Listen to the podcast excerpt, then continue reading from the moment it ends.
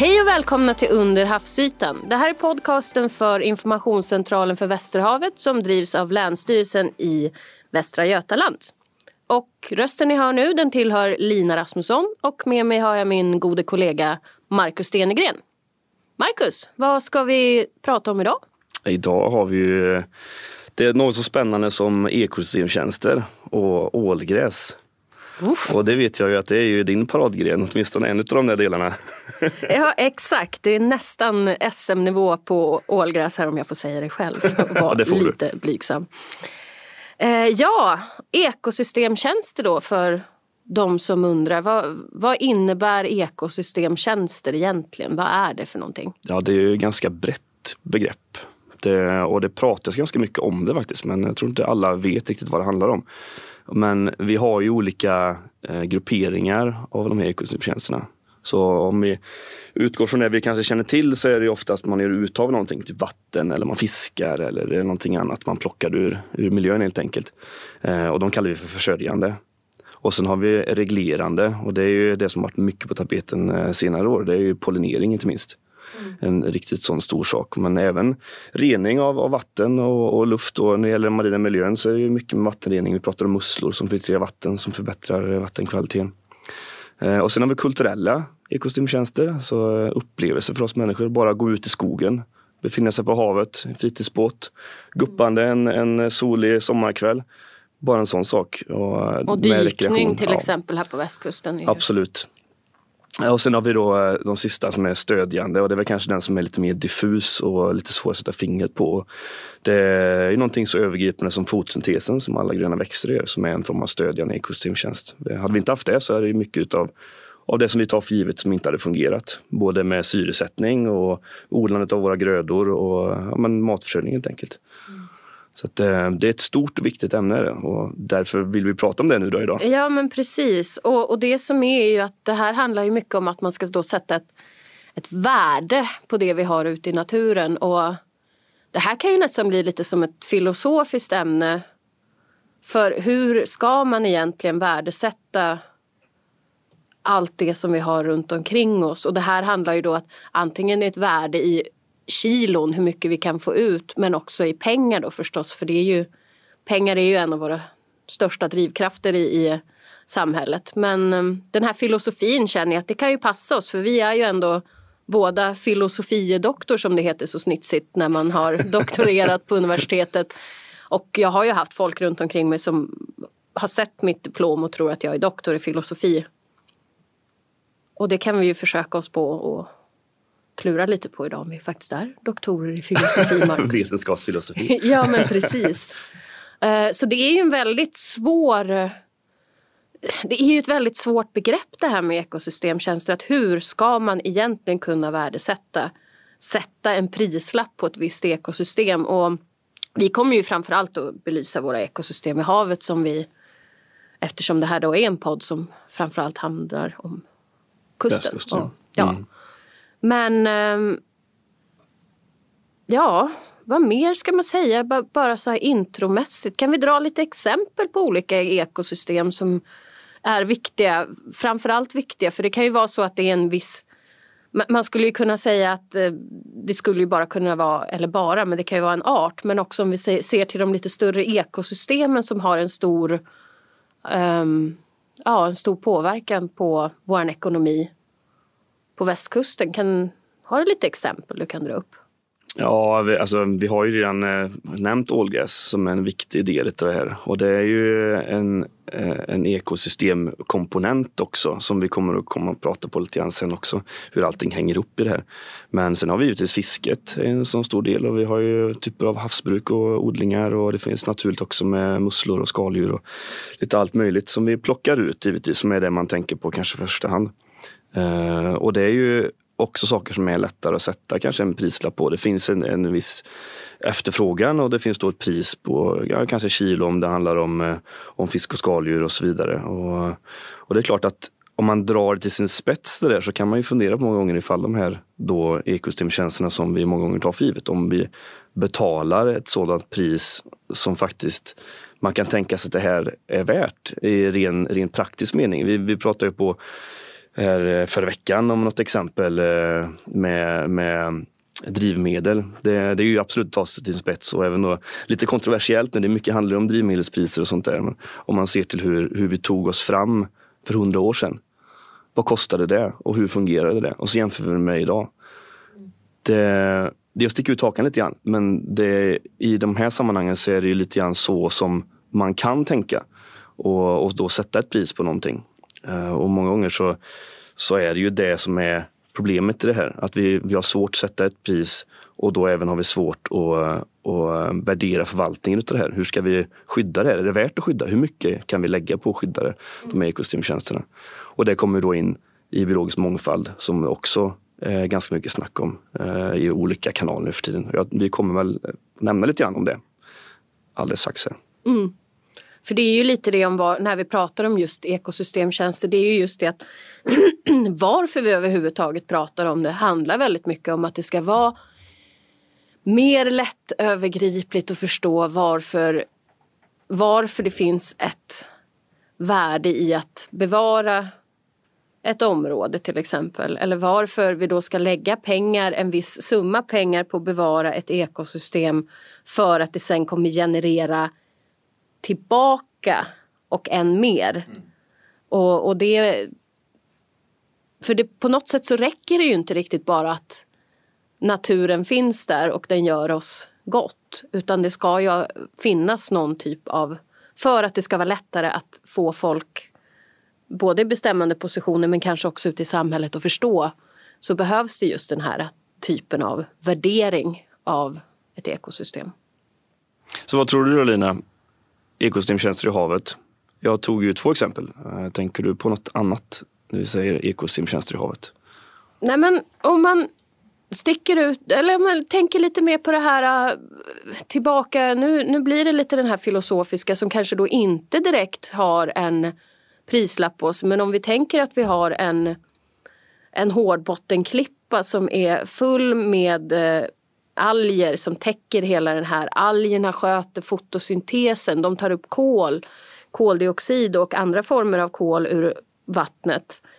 De eh, blir då en oas för andra organismer att leva i så att de, de eh, verkligen bidrar till den biologiska mångfalden. Men egentligen, de är, det, det, är inget ställe som vi egentligen går och skördar någonting i eller fiskar i mer än kanske att några privatpersoner står och fiskar på, på bryggan. Men det har ett otroligt stort värde just i det här att det driver upp den biologiska mångfalden och också bidrar till annat i havet. Men just de ekosystemen kan ju vara väldigt svåra då att sätta en prislapp på. Men de är oså viktiga. Mm. Det blir eh, som med barnkammare och uppväxtområden och du fick ju även lite grann med privat eller alltså enskilt fiske, ja, sportfiske och sådär. Klart så det, det går in under det kulturella. Ja men precis och det är ju också viktiga, viktiga delar i det hela. Att, uh, det är ju rekreation för mm. oss människor att vara ute vid havet. Mm. Och skulle vi då förstöra och inte ha kvar alla de här olika värdena för att det kan ha varit svårt att värdera dem prismässigt så, så är det ju någonting som försämrar vår livskvalitet. Mm. Ja, det har ju visats. Om man då ska tänka i människans perspektiv då, som vi väldigt gärna gör. Mm. Och det har ju visats i ganska många studier hur miljön påverkar oss positivt rent eh, mentalt helt enkelt. Och bara mm. kunna vistas ute i en orörd natur. Eller mm. relativt orörd natur ska vi säga jo, i det här fallet. Eh, så är det. Ja. Nej, och sen handlar det ju lite om det att eh, mycket av det här är ju kopplat och det kommer vi ju prata om lite mer när vi går in på ålgräsen då men, men det är ju kopplat just till det här skyddandet av områden att ja, när vi, när, när vi skriver just om åtgärdsprogram och så, så, så är det ju en, ja, en viktig del. Och jag själv då som också fortfarande jobbar inom forskning och söker anslagspengar, då är ju det en väldigt viktig komponent att just ta med det och beskriva det här är de ekosystemtjänsterna som mitt hemekosystem eller mitt habitat erbjuder för att påvisa hur viktigt det är för havsmiljön. Fast det egentligen kanske inte är den grundläggande tanken med min forskningsidé. Eh, Men den är ändå alltid med där som en, som en del i det för att få folk att förstå att aha, vi behöver inte bara skydda det för det här och det här utan då finns det en, en helt annan vinkel på det hela varför vi ska skydda det och då kan, kommer det in lite med den här gamla klassiska money talks. Det är den här biten som är ja. det vi faktiskt bryr oss om tyvärr i vissa. Ja. Ja, men det blir lite varför är det viktigt? Det är ofta en fråga man ställer sig inom forskningen inte minst. Då. Mm. Och jag tror att det är det många tänker på när man säger just ekosystemtjänster så tror jag just att det är den här biten att folk tänker på just den ekonomiska vinningen enbart. Att det är så här mycket musslor tar vi upp. Här har vi, jag sitter och beräknar just nu för ekosystem som jag jobbar med hur mycket sjöborrar kan man då skörda i just de här områdena och vad är folk beredda att betala för sjöborrar? Vilket är något som vi inte äter så mycket här men det är väldigt vanligt nere i Frankrike till exempel. Uh, och när jag har varit ute på båtar i Grönland och sånt så har jag ju fått sjöborre direkt upp från havet och smaska i mig. Så det är ju sådana saker som, som kanske kommer mer hitåt. Hur var det då? Om jag får fråga. kan man säga att det smakar kyckling fast jag inte har käkat kyckling på typ 25 år. Men, eh, nej men det var spännande. Man äter ju liksom, vilket låter lite småsnuskigt att säga, men man äter ju liksom gonaderna, alltså könsdelarna ja, okay. och framförallt då från honorna. Men det smakar hav. Ja. Och det ska ju vara nyttigt. Och just där vi fiskade dem, då är det ju ett överflöd av mm. sjöborrar och ja, de har ju blivit av med sina, sina toppredatorer så det finns ju ett överflöd mm. så att det är en bra källa till mat och ja, det är ju stort i Asien och så. Ja, det, det Men då sitter man ju och just räknar på det. Hur många sjöborrar finns det per hektar?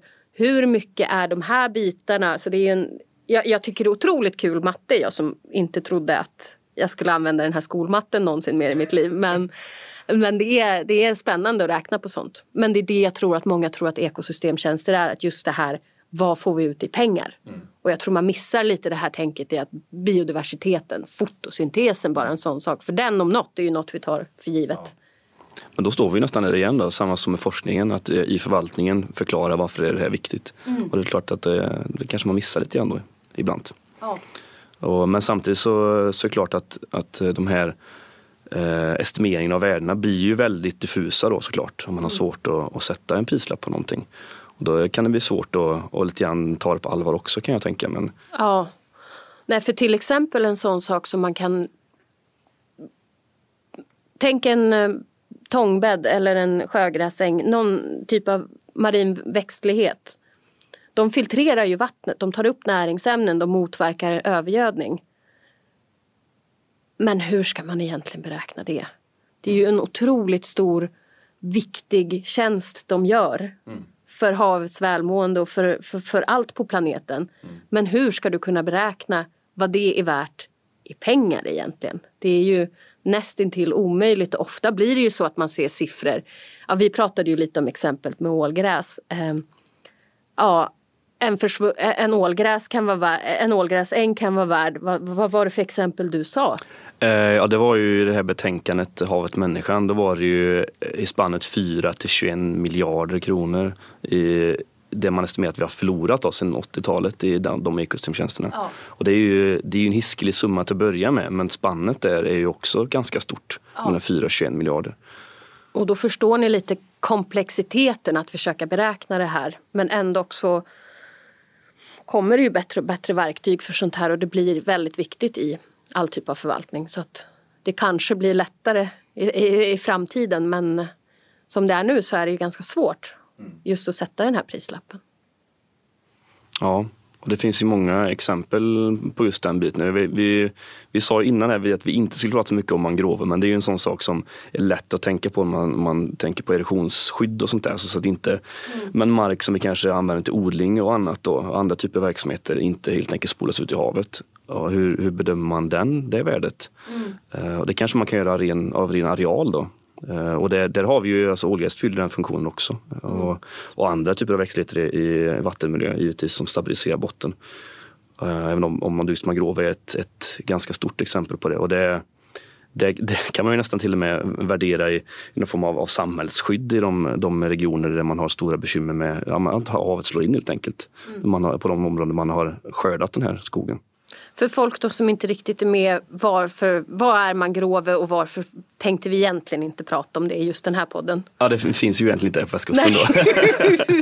Utan det är ju på ja, subtropiska, tropiska ja. eh, områden då, och större hav. Ja, så det är ju träd som går ut i, i havet om man säger så. En viss typ av arter som klarar saltvatten och Precis. har väldigt viktiga funktioner. Men vi ska ju försöka hålla oss på vår västra kust här. Mm. Och Fast... därför blir det mycket ålgräs. Jo men precis. Så ja, vi kanske ska börja röra oss mot just Ja, mot ålgräset ja. ja. Precis, vi har ju redan varit inne och nosat på det lite grann. Mm. Så vi kommer inte släppa ekosystemtjänsterna på något sätt. Men jag tänker eftersom du ändå är våran, våran inhouse expert här på, på ålgräs, ändå har doktorerat i det här så eh, så du är ju våran doktor Sjögräs helt enkelt här. Yes, och det här är ju någonting som min familj... Jag skulle inte säga... Det är nog mer häckel, vilken är en del av kärlek i min familj, men som jag kallas doktor Sjögräs. Och barn, speciellt då uppe i Jämtland, i vår by där, då, då har jag ju då bara gått under namnet doktor Gräs. Vilket har varit en fantastiskt bra grej när man ska hämta ången på dagis och hon kommer vrålande så att där är doktor Gräs, där är doktor Gräs. Och, eh, ja, och man aldrig har hämtat barnet förut så den här dagisfröken eller förskolefröken undrar lite den där ska vi nog inte släppa iväg ången med. Men som sagt, det är det jag har doktorerat på och då doktorerar jag just på svenska västkusten. Och en del av det här som vi pratar om i ekosystemtjänsterna och det är just hur deras fotosyntes och respiration fungerar. Och då i korta ordalag kan man säga hur mycket koldioxid tar de här växterna upp? Hur mycket koldioxid släpper de ut? Hur mycket syre tar de upp? Men också det jätteviktigt, hur mycket syre släpper de ut? Och det här är ju saker som vi har superstor nytta av för att växtligheten i havet, då är det ju framförallt plankton men också sjögräs och, och, och alger då. Eh, då. Det är ju alltså 50 procent av vår syreproduktion på jordklotet, om inte mer. Så det är alltså vartannat andetag som du tar kommer från växtligheten i havet. Och det är ju tillbaka där igen, det är ju en otroligt viktig del av varför vi finns överhuvudtaget. Och det är ju därför jag har, har varit så fascinerad av just fotosyntes. Att det är ju en av de stora anledningarna till att vi finns på den här planeten överhuvudtaget. Det är ju just att det var eh, cyanobakterier som, som du då har stor kunskap ja, av att jobba med. Att de, eh, och, och, tidigare former av det började med fotosyntesen. Och då fick vi till slut en atmosfär. Enkelt beskrivet. Och så, en syresatt atmosfär. En syresatt ja. Eh, atmosfär och så började livet på jorden som vi som, eh, inte som vi ser den idag, men, men förutsättningarna för att vi ska kunna leva som vi gör idag. Ja, precis. Men om vi ska koka ner eh, det lite snabbt då, eh, bara för att knyta ihop din eh, forskningsbakgrund inom det här. Vad, två, tre coola grejer som du kom fram till under din tid när du forskade på ålgräs? Ja, eh, jag kom ju då fram till att den här respirationen som, ehm, som ålgräs, som alla växter har. Och det är just den processen när sockret som bildas i fotosyntesen. Växten knäcker ut energin och eh, använder det som byggstenar för att bygga upp sina strukturer. Och respirationen är någonting som drar i sig syre och eh, släpper ut koldioxid. Men det är också något som är livsviktigt för växten. Men då har jag forskat mycket på hur ändras den? För den har beräknats som konstant i alla typer av beräkningar. Att man säger att 50% av fotosyntesen är syre men jag, eller respiration. Men jag har då forskat på hur den har ändrats över dygnets olika timmar. Hur den ändras i ljus och, och liknande. Sen har jag ju också varit med i forskningsprojekt som också har kollat på nästa del som är en väldigt het potatis nu och det är någonting som kallas för blue carbon, alltså blått kol. Och det är hur mycket marina ekosystem i havet, hur mycket koldioxid de kan ta upp och lagra. Och de är effektiva och tar upp kol, eh, koldioxid ur vattenkolumnen på en vad ska man säga, daglig basis genom sin fotosyntes. Men många ekosystem, som mangrover som vi nämnde, men då också sjögräs, är väldigt effektiva på att ta in det här kolet, alltså koldioxiden, dra ner det i sedimenten och sen så lagrar de det där nere och det kan ligga i tusentals år.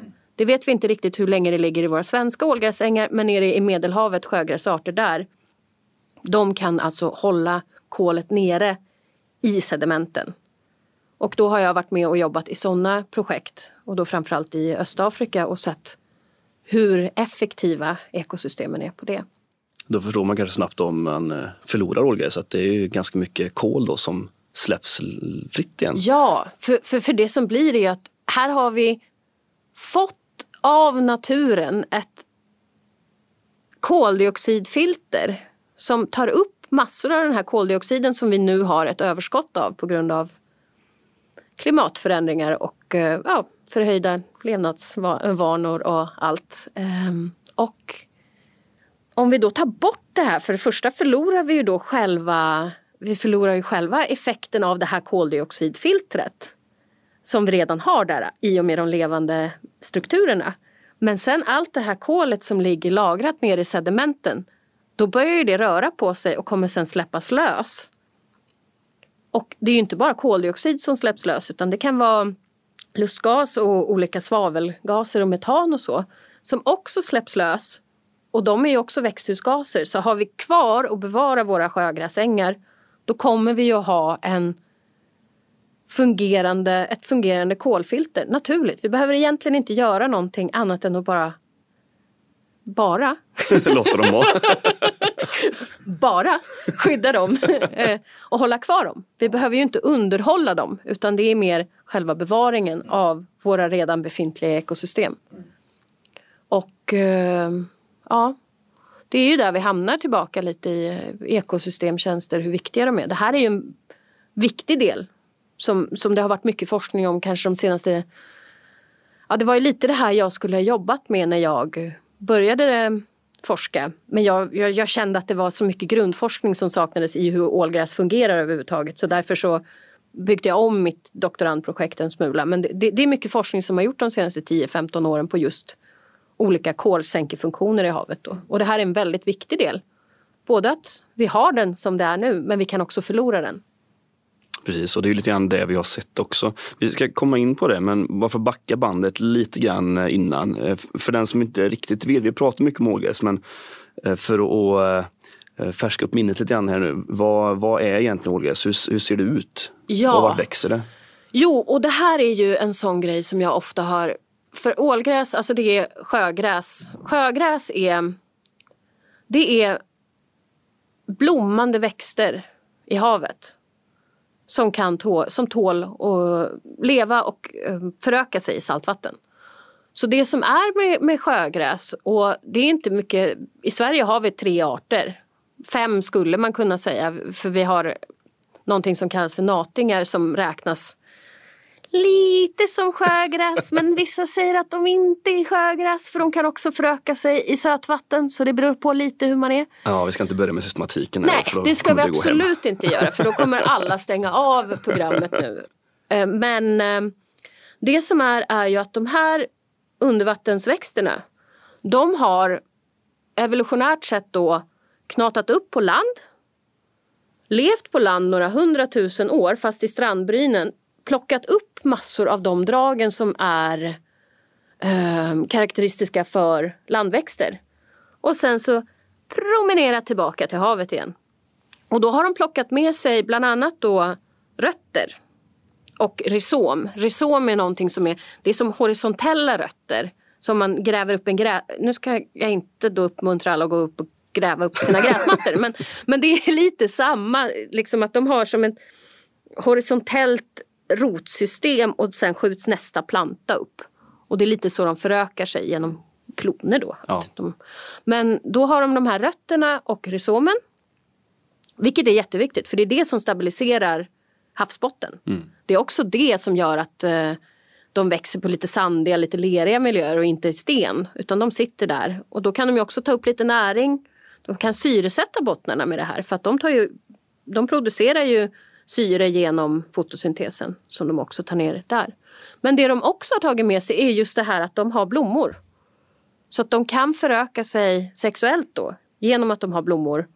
Det är inte några no, stora orkidéer man hittar eh, någon trädgård så där nere på, på havsbotten. Men det är väldigt små blommor och sen sätter de också frön då. Medan alger, många då om du går på en asiatisk restaurang och så står det sjögrässallad. Det är inte sjögräs. Det är alger.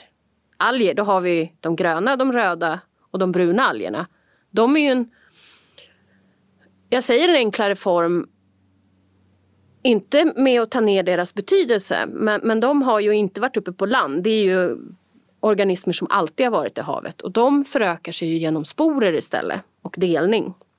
Medan sjögräs då har de här den sexuella förökningen med blommor och de har för, förökar sig genom kloning så de skjuter de här resomen och får upp en ny planta. Vad som mer är skillnad är att ett sjögräs, om du tittar på, på sjögräs då så är det ju en, en bladstruktur. Du har ner, nerver i och dessutom har de ju eh, olika såna här ledningskärl om man säger så för, för vatten och näring i sig. Och eh, alger har ju inte det utan de tar ju in allting eh, rakt igenom bålen som deras kroppar då heter. Medan sjögräs är ju en eh, likvärdig, alltså det ser ut som en växt på land fast den är under, under havsytan då. Så att allt det här gröna klägget som ni, man halkar på när man ska i och bada och folk ylar om att de hatar sjögräs. Lägg det hatet någon annanstans. det stämmer inte. på de fintrådiga algerna. Ja, Eller hata inte alls för det är jätteonödigt. Ja. Men det är inte, det är inte sjögräs utan Nej, det är alger. Så att mm. sjögräs är ju egentligen Ja, det är på sandiga, om du är på en sandig strand till exempel. Växer på ungefär en halv, en meters djup ner till kanske, är det fint och klart vatten, ner till 7-8 meter. Och det är någonting som har ändrats med åren. Förut så var det sagt fem meter men vattnet har blivit klarare på västkusten. Mm. Så att, eh, det sätter ju lite grann förutsättningar då och visar lite grann på att det, det är en liten nischat. Att det, liksom, det finns då på en, en miljö som annars är ganska karg och det är klart att det finns ju mer i sedimentet än vad vi kan se med blotta ögat givetvis. Men att de här då fyller en funktion även i de här områdena. För annars tänker man alltid ofta på hårdbotten som den viktigaste typen av habitat. Men att det, de här då fyller en jätteviktig funktion i mjukbottnarna. Mm. Uh, och det är viktigt att ta med sig. Så att, uh, men jättebra. Och vi, som där, lite grann läget för, för ålgräset i våran miljö här på västkusten. Eh, hur ser den egentligen ut? Det har blivit bättre vattenkvalitet i alla fall på sina håll och vi har fått då en, en större djupbildning ner till maximalt 7-8 meter. Ja. Men, eh, men hur, vi, vi var ju inne lite grann på att vi har förlorat en del ålgräs till en, en viss kostnad då. Sen eh, 80-90-talet och kanske lite tidigare. Men hur, hur ser läget ut nu? Ja, alltså ålgräset som du då sa, det har gått ner med 80 procent någonting och anledningen till att det försvinner, en av en av anledningarna till att ålgräs, ålgräs eller sjögräs i det stora hela, de är ju känsliga för förändringar i ljuset. För de behöver relativt mycket ljus för att klara av sin fotosyntes. Och det handlar ju mycket om att de har inte bara det ovan jord som de ska försörja utan hela det här systemet under jord. Alltså mm, rotsystemet. Och um, det gör att de är väldigt känsliga om det blir grumligt i vattnet. Vilket det då har varit mycket för vi har ju haft en stor övergödningsproblematik och det är ju att det blir mycket partiklar och, och um, det blockar ju ljuset. Och sen så blir det ju inte bara partiklarna utan vi får ju också en påväxt av fintrådiga alger och i vissa håll blir det ju också mer växtplankton. Och det blockar ju ljuset och då får inte sjögräsen det, det ljuset de behöver och då dör de bort. Så det har ju varit en stor problematik men sen är det ju också att i och med att de växer så pass grunt nära kusterna så blir det ju en, det blir en intressekonflikt. Att vi vill ju, de växer ju där vi vill vara. Mm. Det är ju där vi bygger våra hamnar, vi smackar upp våra bryggor och ehm, ja, där vi ankrar våra båtar. Så alla de här bitarna är ju ett hot mot, mot de här habitaten. För det är ju just då att det skuggas och det muddras. Och muddringen, för det första är det ju en fysisk påverkan på havsbotten som river upp sjögräsplantorna eller ålgräsplantorna. Men det blir också mycket sediment som då blockar ljuset. Mm. Men det vi har sett är ju att övergödningen har ju på sätt och vis minskat när det gäller utsläpp. Men eh, så därför är det klarare vatten på vissa håll. Men ett annat problem som har kommit nu och det här är också en lyssnarfråga som vi faktiskt har fått. Som jag då kommer belysa i samma. Att eh, det är lite så här, vad händer? Vad händer när de stora rovfiskarna fiskas ut? Så det här går ju tillbaka till en, lite med, med, med problematiken med överfiske. Att vi har ju tagit bort alla de stora rovfiskarna vilket gör att mindre rovfiskar har inga naturliga fiender längre. Och de går då ner och käkar upp alla de här små betarna, alltså små, små kräftdjur och annat som finns och äter upp plankton och fintrådiga alger. Så att då blir det ju att de fintrådiga algerna har inget som putsar bort bestånden och då blir det mer och mer av dem och det blir ett hot mot ålgräsen så att överfisket hur man nu tänker att hur skulle överfiske kunna vara ett problem mot en växt på, på havsbotten. Men alla, eftersom allting är länkat och hänger ihop så, så har det tyvärr blivit så att eh, överfisket har då gjort att våra sjögräsängar har gått tillbaka. Och det är ju ett typexempel på det vi kallar för eh, eh ekosystemkaskader. Exakt. Kaskadeffekter. Ja. Och, och, det är någonting som, som vi, ja, vi har tampats med länge och kommer få göra det också, vad det ser ut utsikterna. Och vi var redan inne på, du berättade om just med de här funktionerna som, som ålgräset har då. Och det har ju i sig självt en, en eh, vattenkvalitetshöjande effekt. Så att eh, jag tänker lite grann problematiken med att, att då skydda eller kanske till och med restaurera, för det har ju varit en del sådana projekt på gång. Och, eh, vissa fungerar väldigt bra, andra inte. Och det är lite grann man, alltså learning by doing. Man får, får prova sig fram lite grann man inte riktigt vet hur det fungerar på västkusten. Men att, att det då visar sig att, att eh, det är lite grann ett moment 22 för ålgräset. Att eh, i de områden där det har försvunnit så har det grumlats upp då för att det stabiliserar botten.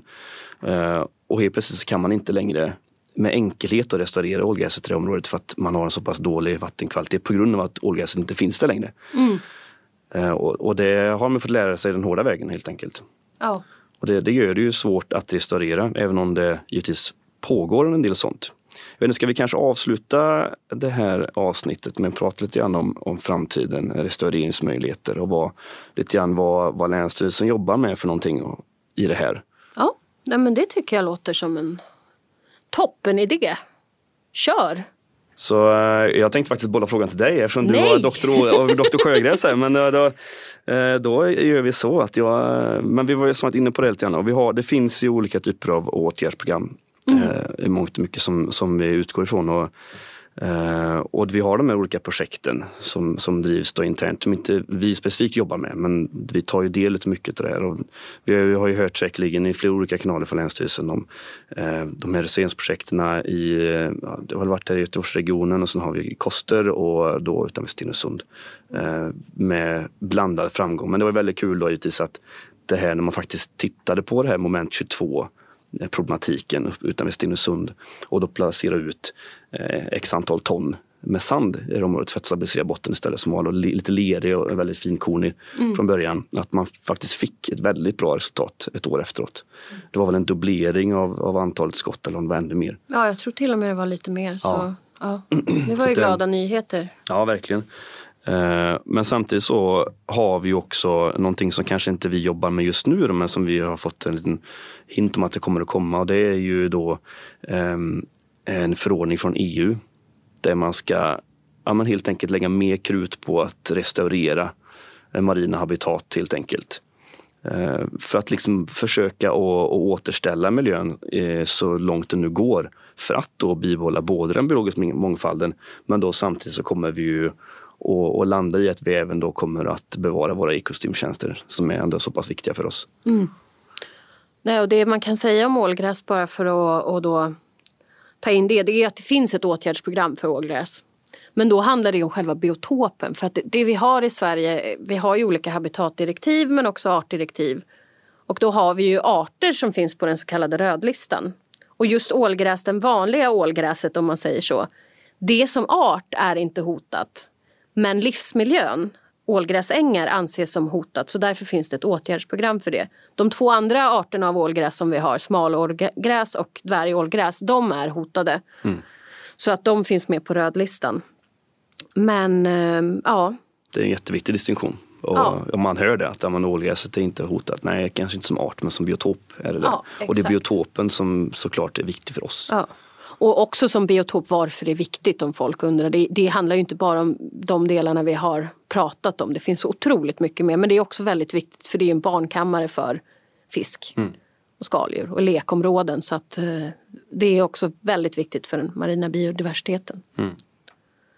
Ja, eh, och jag vet inte riktigt, har vi något mer som vi ska tömma ur här liksom? Vi har ju pratat, vi har pratat, ja, jag hade ju kunnat prata i tre timmar till men det, det, det ska jag inte göra. Eh, men eh, ja, vi har ju pratat lite om åtgärdsprogram och så.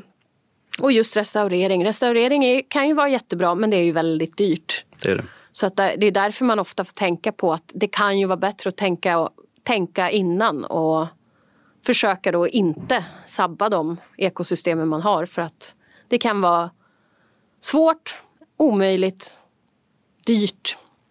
Ja, och försöka återställa havsmiljön som den är. Och det är därför vi på Länsstyrelsen också jobbar med att försöka skydda de områdena vi har. Och mm. Det är en väldigt viktig del i vårt dagliga arbete. Absolut. Det var en jättebra avslutning. Ja, jag kände faktiskt att jag fick ja. Ja, till det där på slutet. Mm. Uh, ja, så att vi kanske ska tacka för oss. Tacka för oss för det här avsnittet och eh, nästa avsnitt som blir det sista för året så kommer vi väl försöka ja, lite sådär gå igenom händelser. Mycket som vi har fått in rapporter om och så på informationscentralen under året. Vad har det varit som har hänt i havsmiljön? Det blir lite som Lina och Marcus smällkarameller utan bloopers för vi gör ju inte så mycket fel. Får jag tänka så? Du drar ribban väldigt högt nu känner jag. Eh, ja. Vi får väl se nästa avsnitt helt enkelt. ja, vi får göra det. Men med det så tackar vi för oss och ni får ha en fin dag. Hej! Tack och hej.